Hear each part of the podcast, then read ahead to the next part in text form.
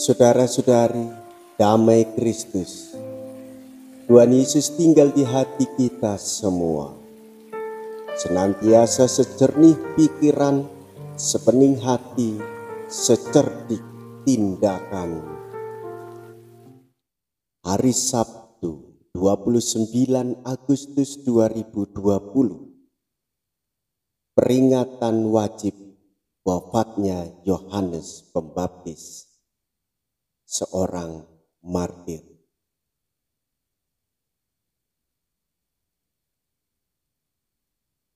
Dalam nama Bapa dan Putra dan Roh Kudus. Amin.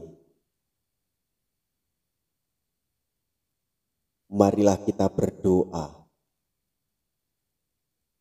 Tuhan Yesus Kristus, Engkaulah sumber kebenaran dan hidup Ajarilah kami supaya mampu mewartakan kebenaran dan kehidupanmu yang menyelamatkan kami. Sebab engkaulah sang juru selamat kami, ini dan sepanjang masa. Amin.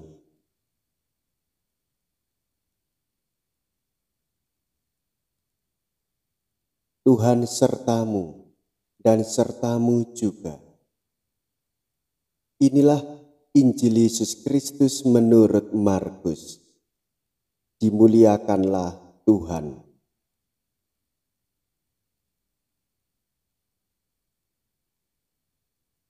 Markus bab 6 ayat 17 sampai dengan 29.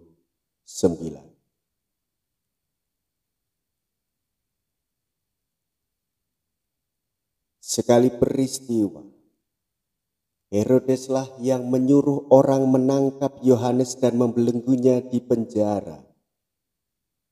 Berhubung dengan peristiwa Herodias, istri Filipus saudaranya, karena Herodes telah mengambilnya sebagai istri.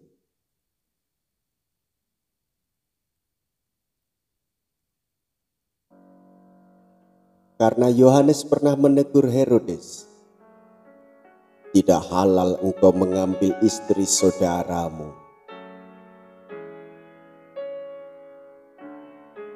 Karena itu Herodias menaruh dendam pada Yohanes dan bermaksud untuk membunuh dia, tetapi tidak dapat. Sebab Herodes segan akan Yohanes karena ia tahu bahwa Yohanes adalah orang yang benar dan suci. Jadi ia melindunginya.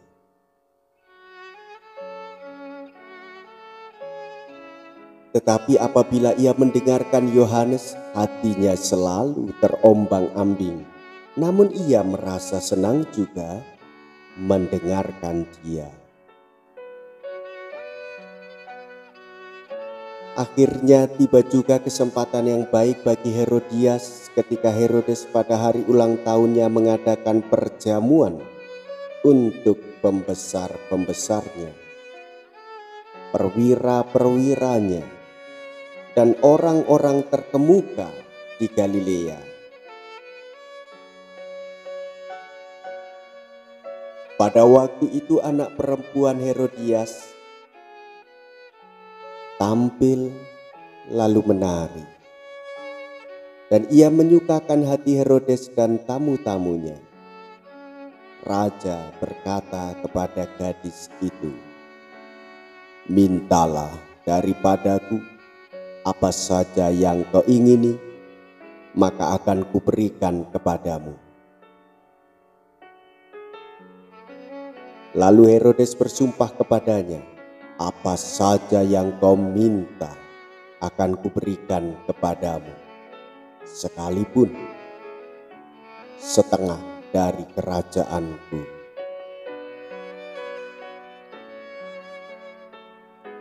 Anak itu pergi dan menanyakan kepada ibunya, "Apa yang harus kuminta?" Jawabnya, "Kepala Yohanes Pembaptis." Maka cepat-cepat ia pergi kepada raja dan meminta, "Aku mau supaya sekarang juga engkau berikan kepadaku kepala Yohanes Pembaptis di sebuah talam.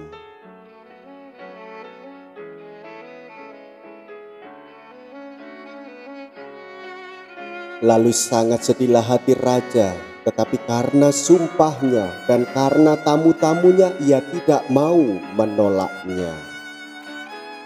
Raja segera menyuruh seorang pengawal dengan perintah supaya mengambil kepala Yohanes Pembaptis. Orang itu pergi dan memenggal kepala Yohanes di penjara. Ia membawa kepala itu di sebuah talam dan memberikannya kepada gadis itu. Dan gadis itu memberikannya pula kepada ibunya. Ketika murid-murid Yohanes mendengar hal itu, mereka datang dan mengambil mayatnya, lalu membaringkannya dalam kuburan.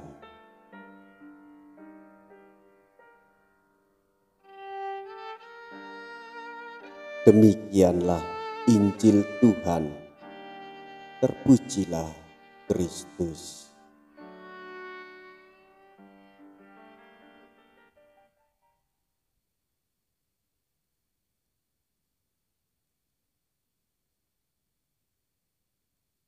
Ruang Hening Inspirasi Sabda Sabtu 29 Agustus 2020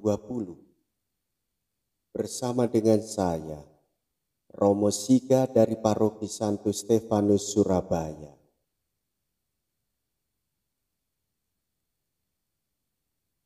Saudara-saudara, Yohanes Pembaptis hidup baik, benar, dan suci di hadapan Allah.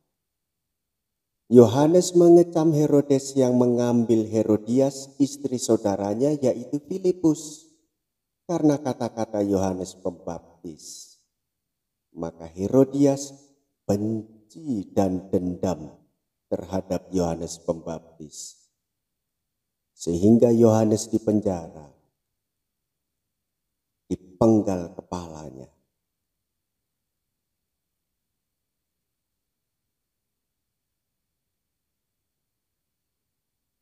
Saudara-saudari, wafatnya Yohanes Pembaptis adalah persembahan hidup kepada Allah. Hidupnya unik. Ia tinggal di padang gurun, makanannya belalang dan madu hutan. Yohanes mempersiapkan orang-orang untuk bertobat. Yohanes mempersiapkan orang-orang untuk kedatangan Yesus Mesias, Sang Juru Selamat.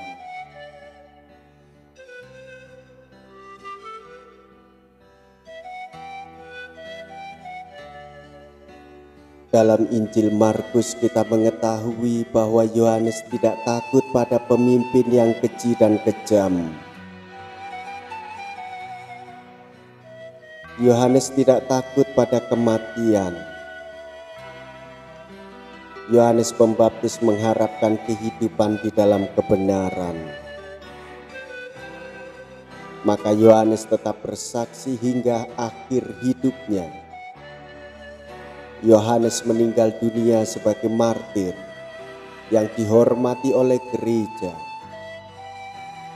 Yohanes meninggal sebagai martir mengungkapkan persiapan iman kita akan wafatnya Yesus di mana Herodes menyangka juga bahwa Yohanes adalah Yesus. Namun sebenarnya Yohanes yang mempersiapkan jalan dan Yesuslah jalan kehidupan itu. Dengan demikian, Yesus lebih besar daripada Yohanes Pembaptis.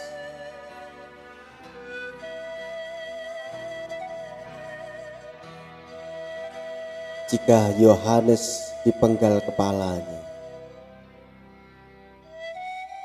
Kita mengalami pula bagaimana Tuhan kita Yesus mempersembahkan hidupnya wafat di kayu salib yang kecil, namun tanda kehidupan bagi kita semua.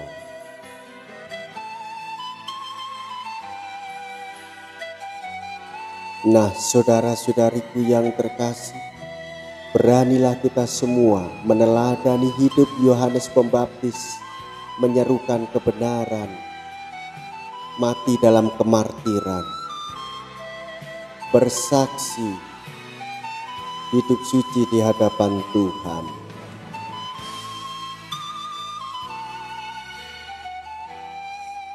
Yohanes Pembaptis wafat sebagai pertanggungan jawab akan iman melawan kekejaman penguasa Herodes. Maka beranilah kita mewartakan pula kemartiran Yohanes Pembaptis dan Yesus yang wafat, Yesus yang bangkit, Yesus yang menebus, Yesus yang menyelamatkan hidup kita semua.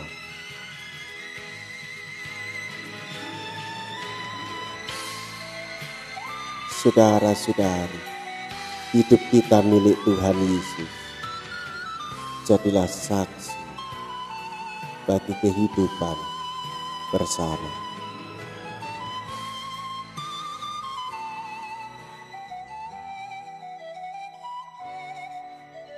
Marilah kita berdoa.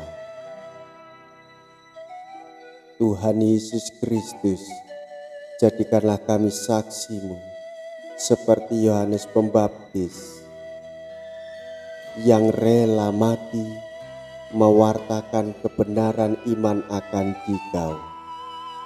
Engkau hidup kini dan sepanjang masa.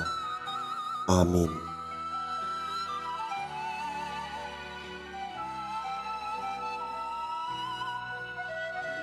Tuhan sertamu dan sertamu juga. Saudara-saudariku sekalian, kita semua dilindungi, dibimbing, dan diberkati oleh Allah yang Maha Kuasa, Bapa dan Putra dan Roh Kudus. Amin.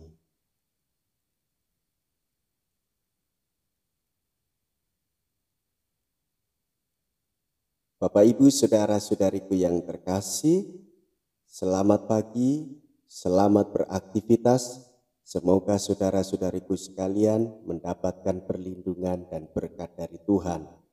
Salam dan doa dari saya, Romo Sika, untuk kita semua.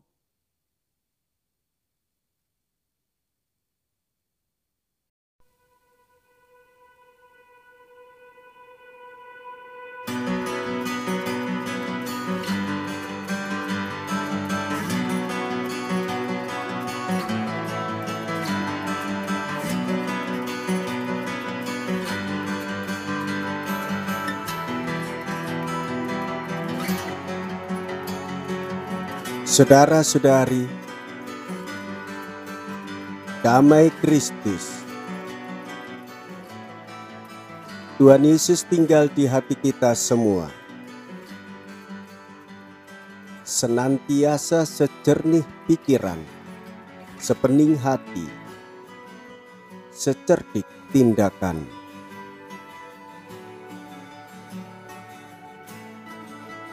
Hari Minggu biasa ke-21 30 Agustus 2020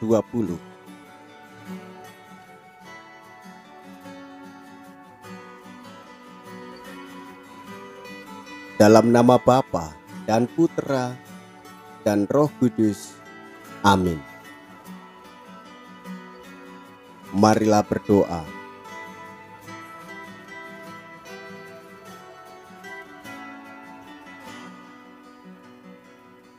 Allah yang Maha Kuasa, Engkaulah sumber dan asal segala yang baik.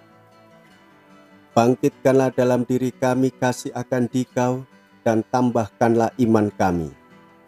Semoga Engkau memupuk benih-benih yang baik dalam diri kami dan memeliharanya sampai menghasilkan buah dengan pengantaraan Yesus Kristus Putramu Tuhan kami, yang bersama dengan Dikau dalam persatuan Roh Kudus, hidup dan berkuasa, Allah sepanjang segala masa. Amin.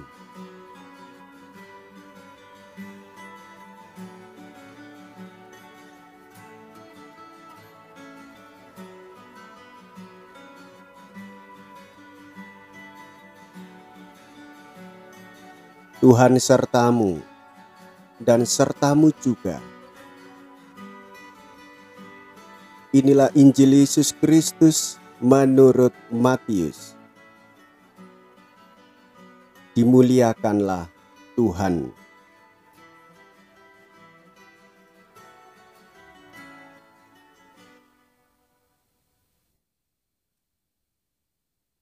Injil Matius bab 16 ayat 21 sampai dengan 27.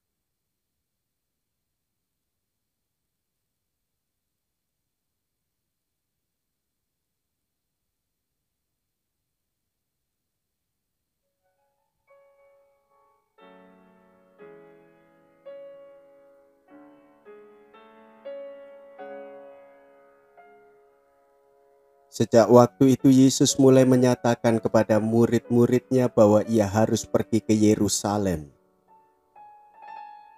dan menanggung banyak penderitaan dari pihak tua-tua, imam-imam kepala dan ahli-ahli Taurat. Lalu dibunuh dan dibangkitkan pada hari yang ketiga.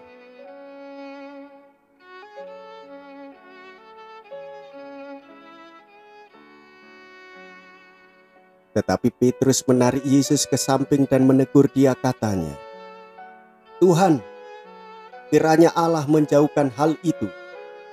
Hal itu sekali-kali takkan menimpa engkau.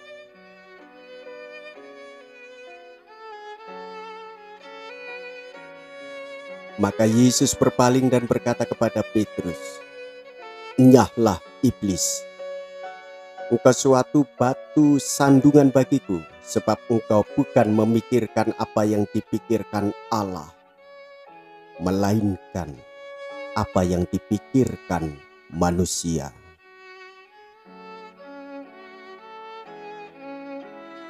Lalu Yesus berkata kepada murid-muridnya, "Setiap orang yang mau mengikut Aku, ia harus menyangkal dirinya, memikul salibnya, dan mengikut aku.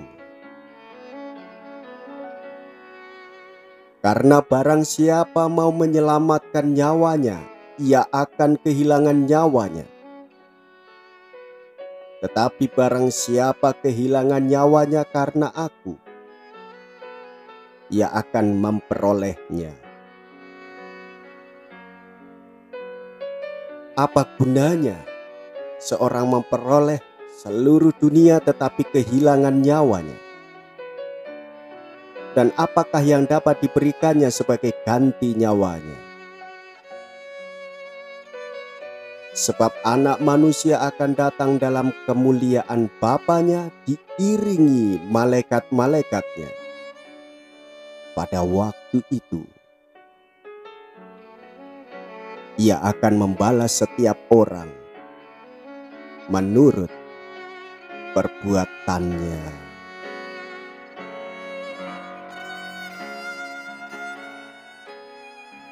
Demikianlah Injil Tuhan. Terpujilah Kristus.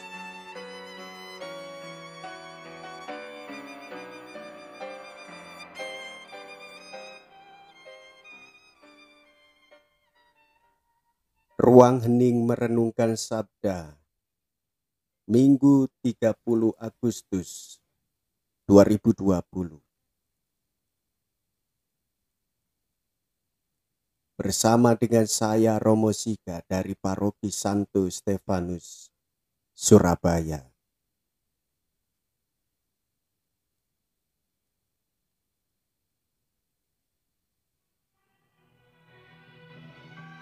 Saudara-saudari,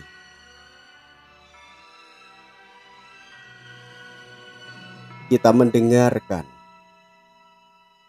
pemberitahuan tentang penderitaan Yesus dan bagaimana kita harus mengikuti Tuhan Yesus sebagai murid-muridnya.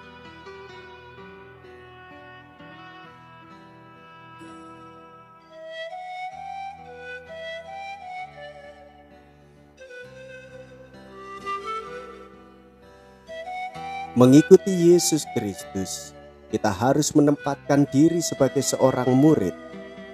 Mengikuti Yesus Kristus, jangan ambil keuntungan untuk diri kita sendiri.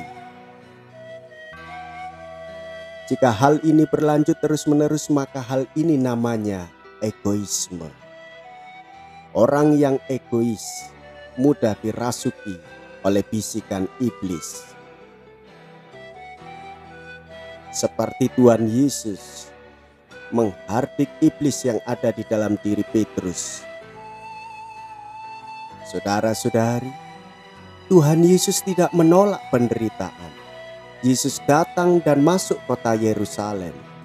Yesus menghadapi kenyataan bahwa masa depannya akan menerima penderitaan dari pihak tua-tua, imam-imam kepala, dan ahli-ahli Taurat Lalu Yesus dibunuh dan dibangkitkan pada hari yang ketiga. Inilah iman kita.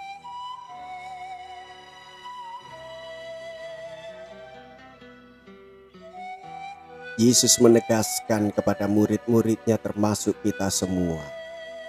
Setiap orang yang mau mengikuti aku, ia harus menyangkal dirinya, memikul salibnya dan mengikut aku. Karena barang siapa mau menyelamatkan nyawanya, ia akan kehilangan nyawanya. Tetapi barang siapa kehilangan nyawanya karena aku, ia akan memperolehnya. Saudara, Yesus taat kepada Bapaknya. Saudari, Yesus sangat mengasihi kita semua. Bapak, ibu, saudara-saudari, Yesus ingin menyelamatkan kita dari dosa, maut, dan kematian. Yesus menjamin nyawa kita untuk memperoleh hidup yang kekal. Tanpa Yesus dan salibnya, kita semua lenyap.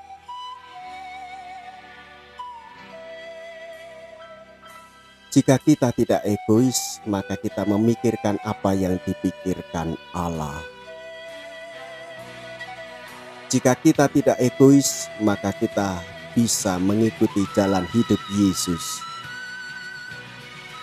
Jika kita tidak egois, maka kita berani melepaskan nyawa kita untuk memperoleh kehidupan yang kekal.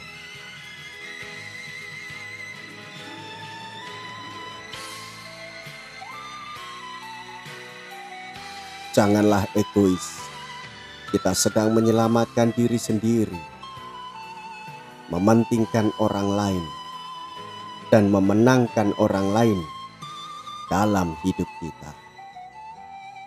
Suami mengasihi istri dan anak-anak, istri mengasihi suami dan anak-anak, keluarga saling mengasihi.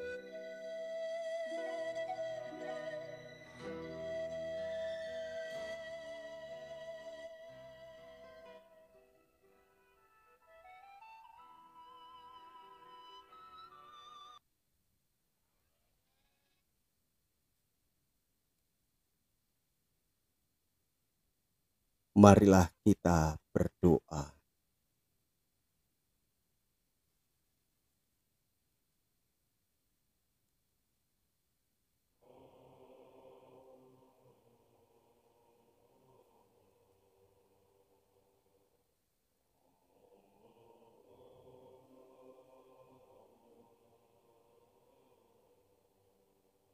Ya Allah,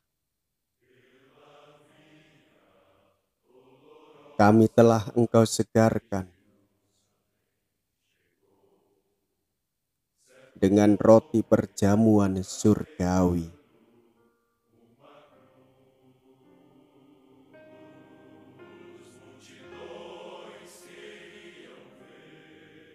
Kami mohon agar santapan cinta kasih ini meneguhkan hati kami dan mendorong kami untuk melayani Dikau dalam diri saudara-saudari kami.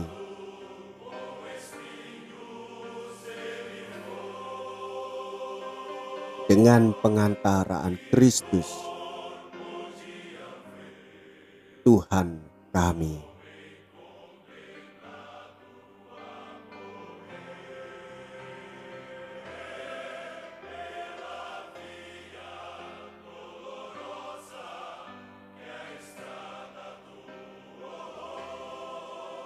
Tuhan sertamu dan sertamu juga.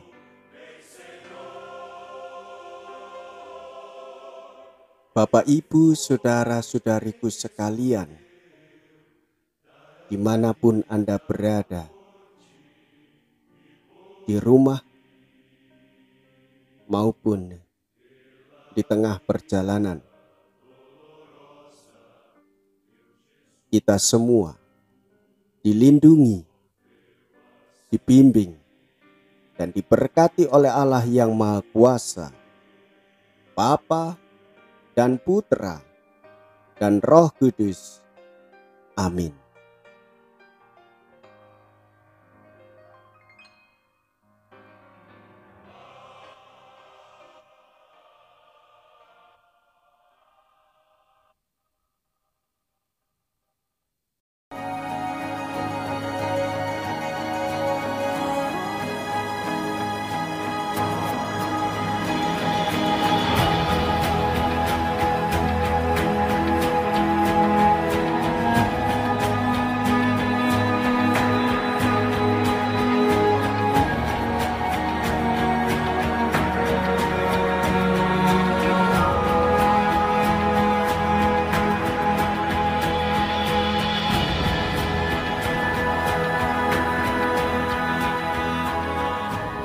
Saudara-saudari, damai Kristus, Tuhan Yesus tinggal di hati kita semua.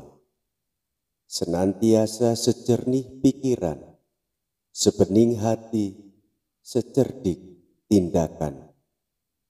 Hari Senin 31 Agustus 2020.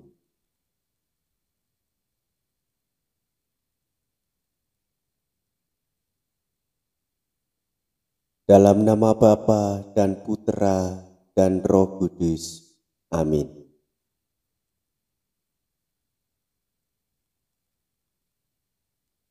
Tuhan Yesus Kristus, Engkau bersabda, Roh Tuhan ada padaku.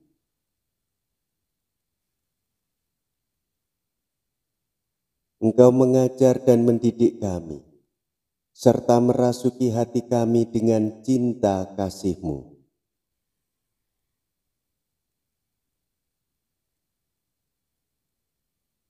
Kami mohon, ajarilah kami untuk selalu mewartakan sabdamu, sebab engkaulah Sang Juru Selamat kami, kini dan sepanjang masa. Amin.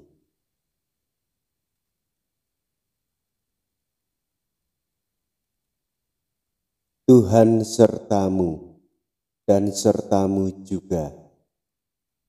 Inilah Injil Yesus Kristus menurut Lukas. Dimuliakanlah Tuhan.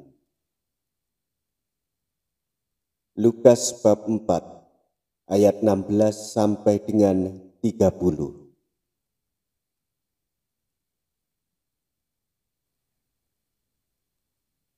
Sekali peristiwa, Yesus datang ke Nazaret tempat ia dibesarkan.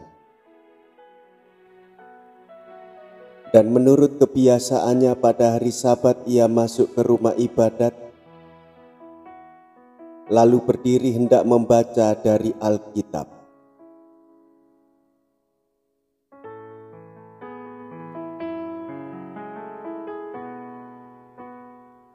Kepadanya diberikan kitab Nabi Yesaya dan setelah dibukanya, Yesus menemukan nas di mana ada tertulis, Roh Tuhan ada padaku.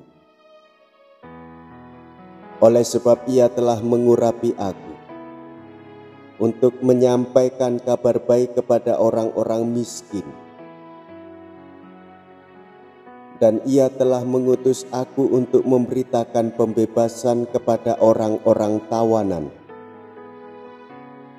Dan penglihatan bagi orang-orang buta. Untuk membebaskan orang-orang yang tertindas. Untuk memberitakan tahun rahmat Tuhan telah datang.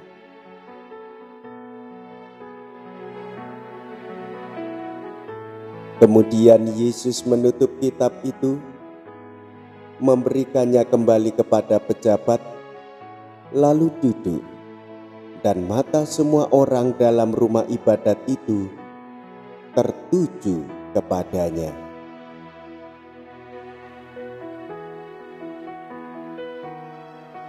Lalu Yesus memulai mengajar mereka, katanya, "Pada hari ini, genaplah nas ini sewaktu kamu mendengarnya." Dan semua orang itu membenarkan Dia, dan mereka heran akan kata-kata yang indah yang diucapkannya. Lalu kata mereka, Bukankah ia ini anak Yusuf? Maka berkatalah Yesus kepada mereka, Tentu kamu akan mengatakan pepatah ini kepadaku, Hai tabib, sembuhkanlah dirimu sendiri. Perbuatlah di sini juga di tempat asalmu ini. Segala yang kami dengar, yang telah terjadi di Kapernaum.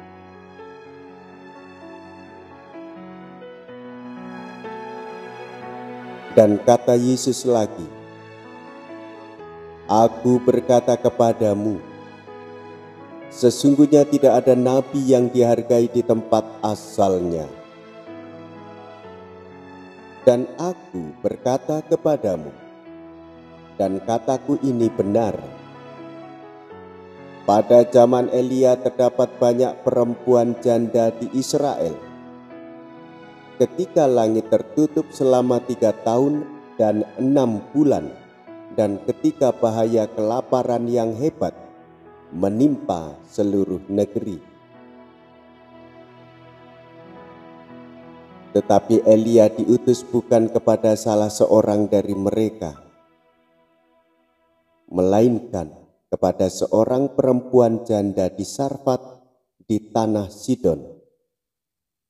Dan pada zaman Nabi Elisa, banyak orang kusta di Israel dan tidak ada seorang pun dari mereka yang ditahirkan selain daripada Naaman, orang Syria itu.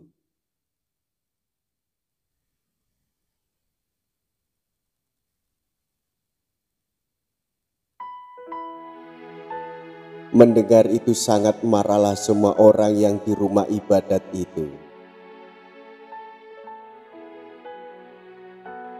Mereka bangun, lalu menghalau Yesus keluar kota dan membawa dia ke tebing gunung tempat kota itu terletak untuk melemparkan dia dari tebing itu. Tetapi Yesus berjalan lewat dari tengah-tengah mereka, lalu pergi.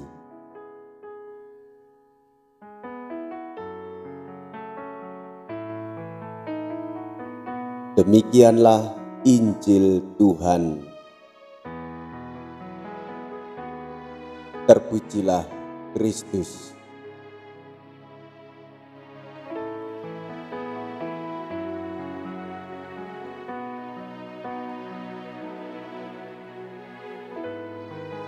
Ruang hening merenungkan sabda Senin 31 Agustus 2020 bersama dengan saya Romo Sika dari Paroki Santo Stefanus Surabaya.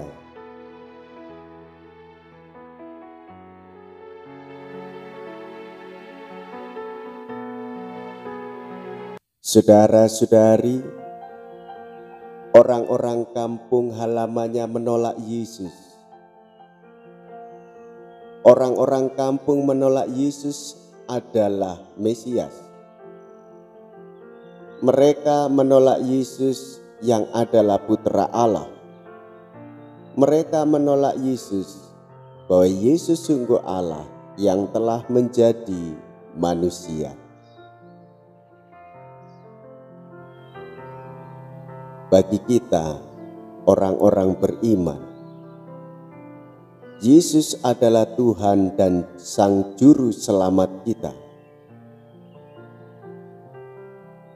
Yesus adalah Tuhan yang senantiasa menyertai kita di dalam setiap aktivitas keseharian kita di dalam bekerja maupun di dalam keluarga.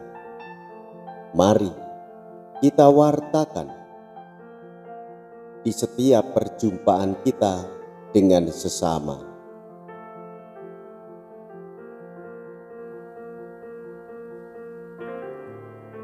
Bagi kita memang penolakan tentulah mengecewakan. Penolakan membuat kita berhenti bekerja. Penolakan membuat kita patah semangat kita berbuat baik ditolak. Kita melayani ditolak. Kita mewartakan keselamatan yang muncul dari Allah juga ditolak. Saudara-saudari, secara manusiawi ditolak memang sangat menyakitkan. Namun tetaplah teguh untuk mewartakan kebaikan-kebaikan Tuhan demi perdamaian bagi semua orang. Demikian juga kedamaian batin kita.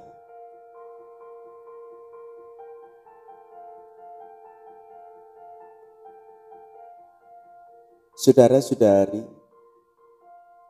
Rasul Paulus mengatakan, Saudara-saudaraku yang terkasih, berdirilah teguh, jangan goyah. Dan giatlah selalu dalam pekerjaan Tuhan. Sebab kamu tahu bahwa dalam persekutuan dengan Tuhan, jerih payamu tidak sia-sia. Surat Rasul Paulus kepada jemaat di Korintus bab 2 ayat 4.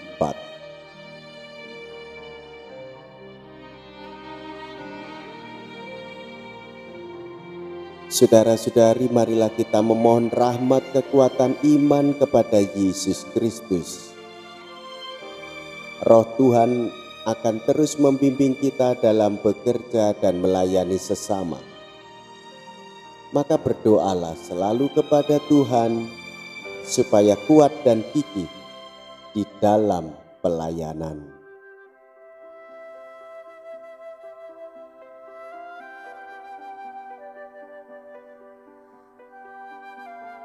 Marilah kita berdoa.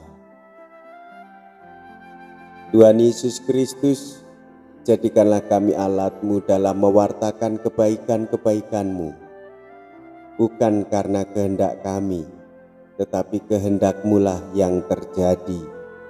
Engkau hidup kini dan sepanjang masa. Amin.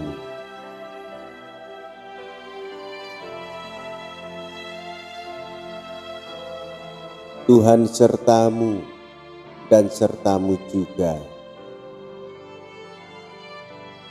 Saudara-saudariku sekalian, kita semua dilindungi, dibimbing, dan diberkati oleh Allah yang Maha Kuasa, Bapa dan Putra dan Roh Kudus. Amin.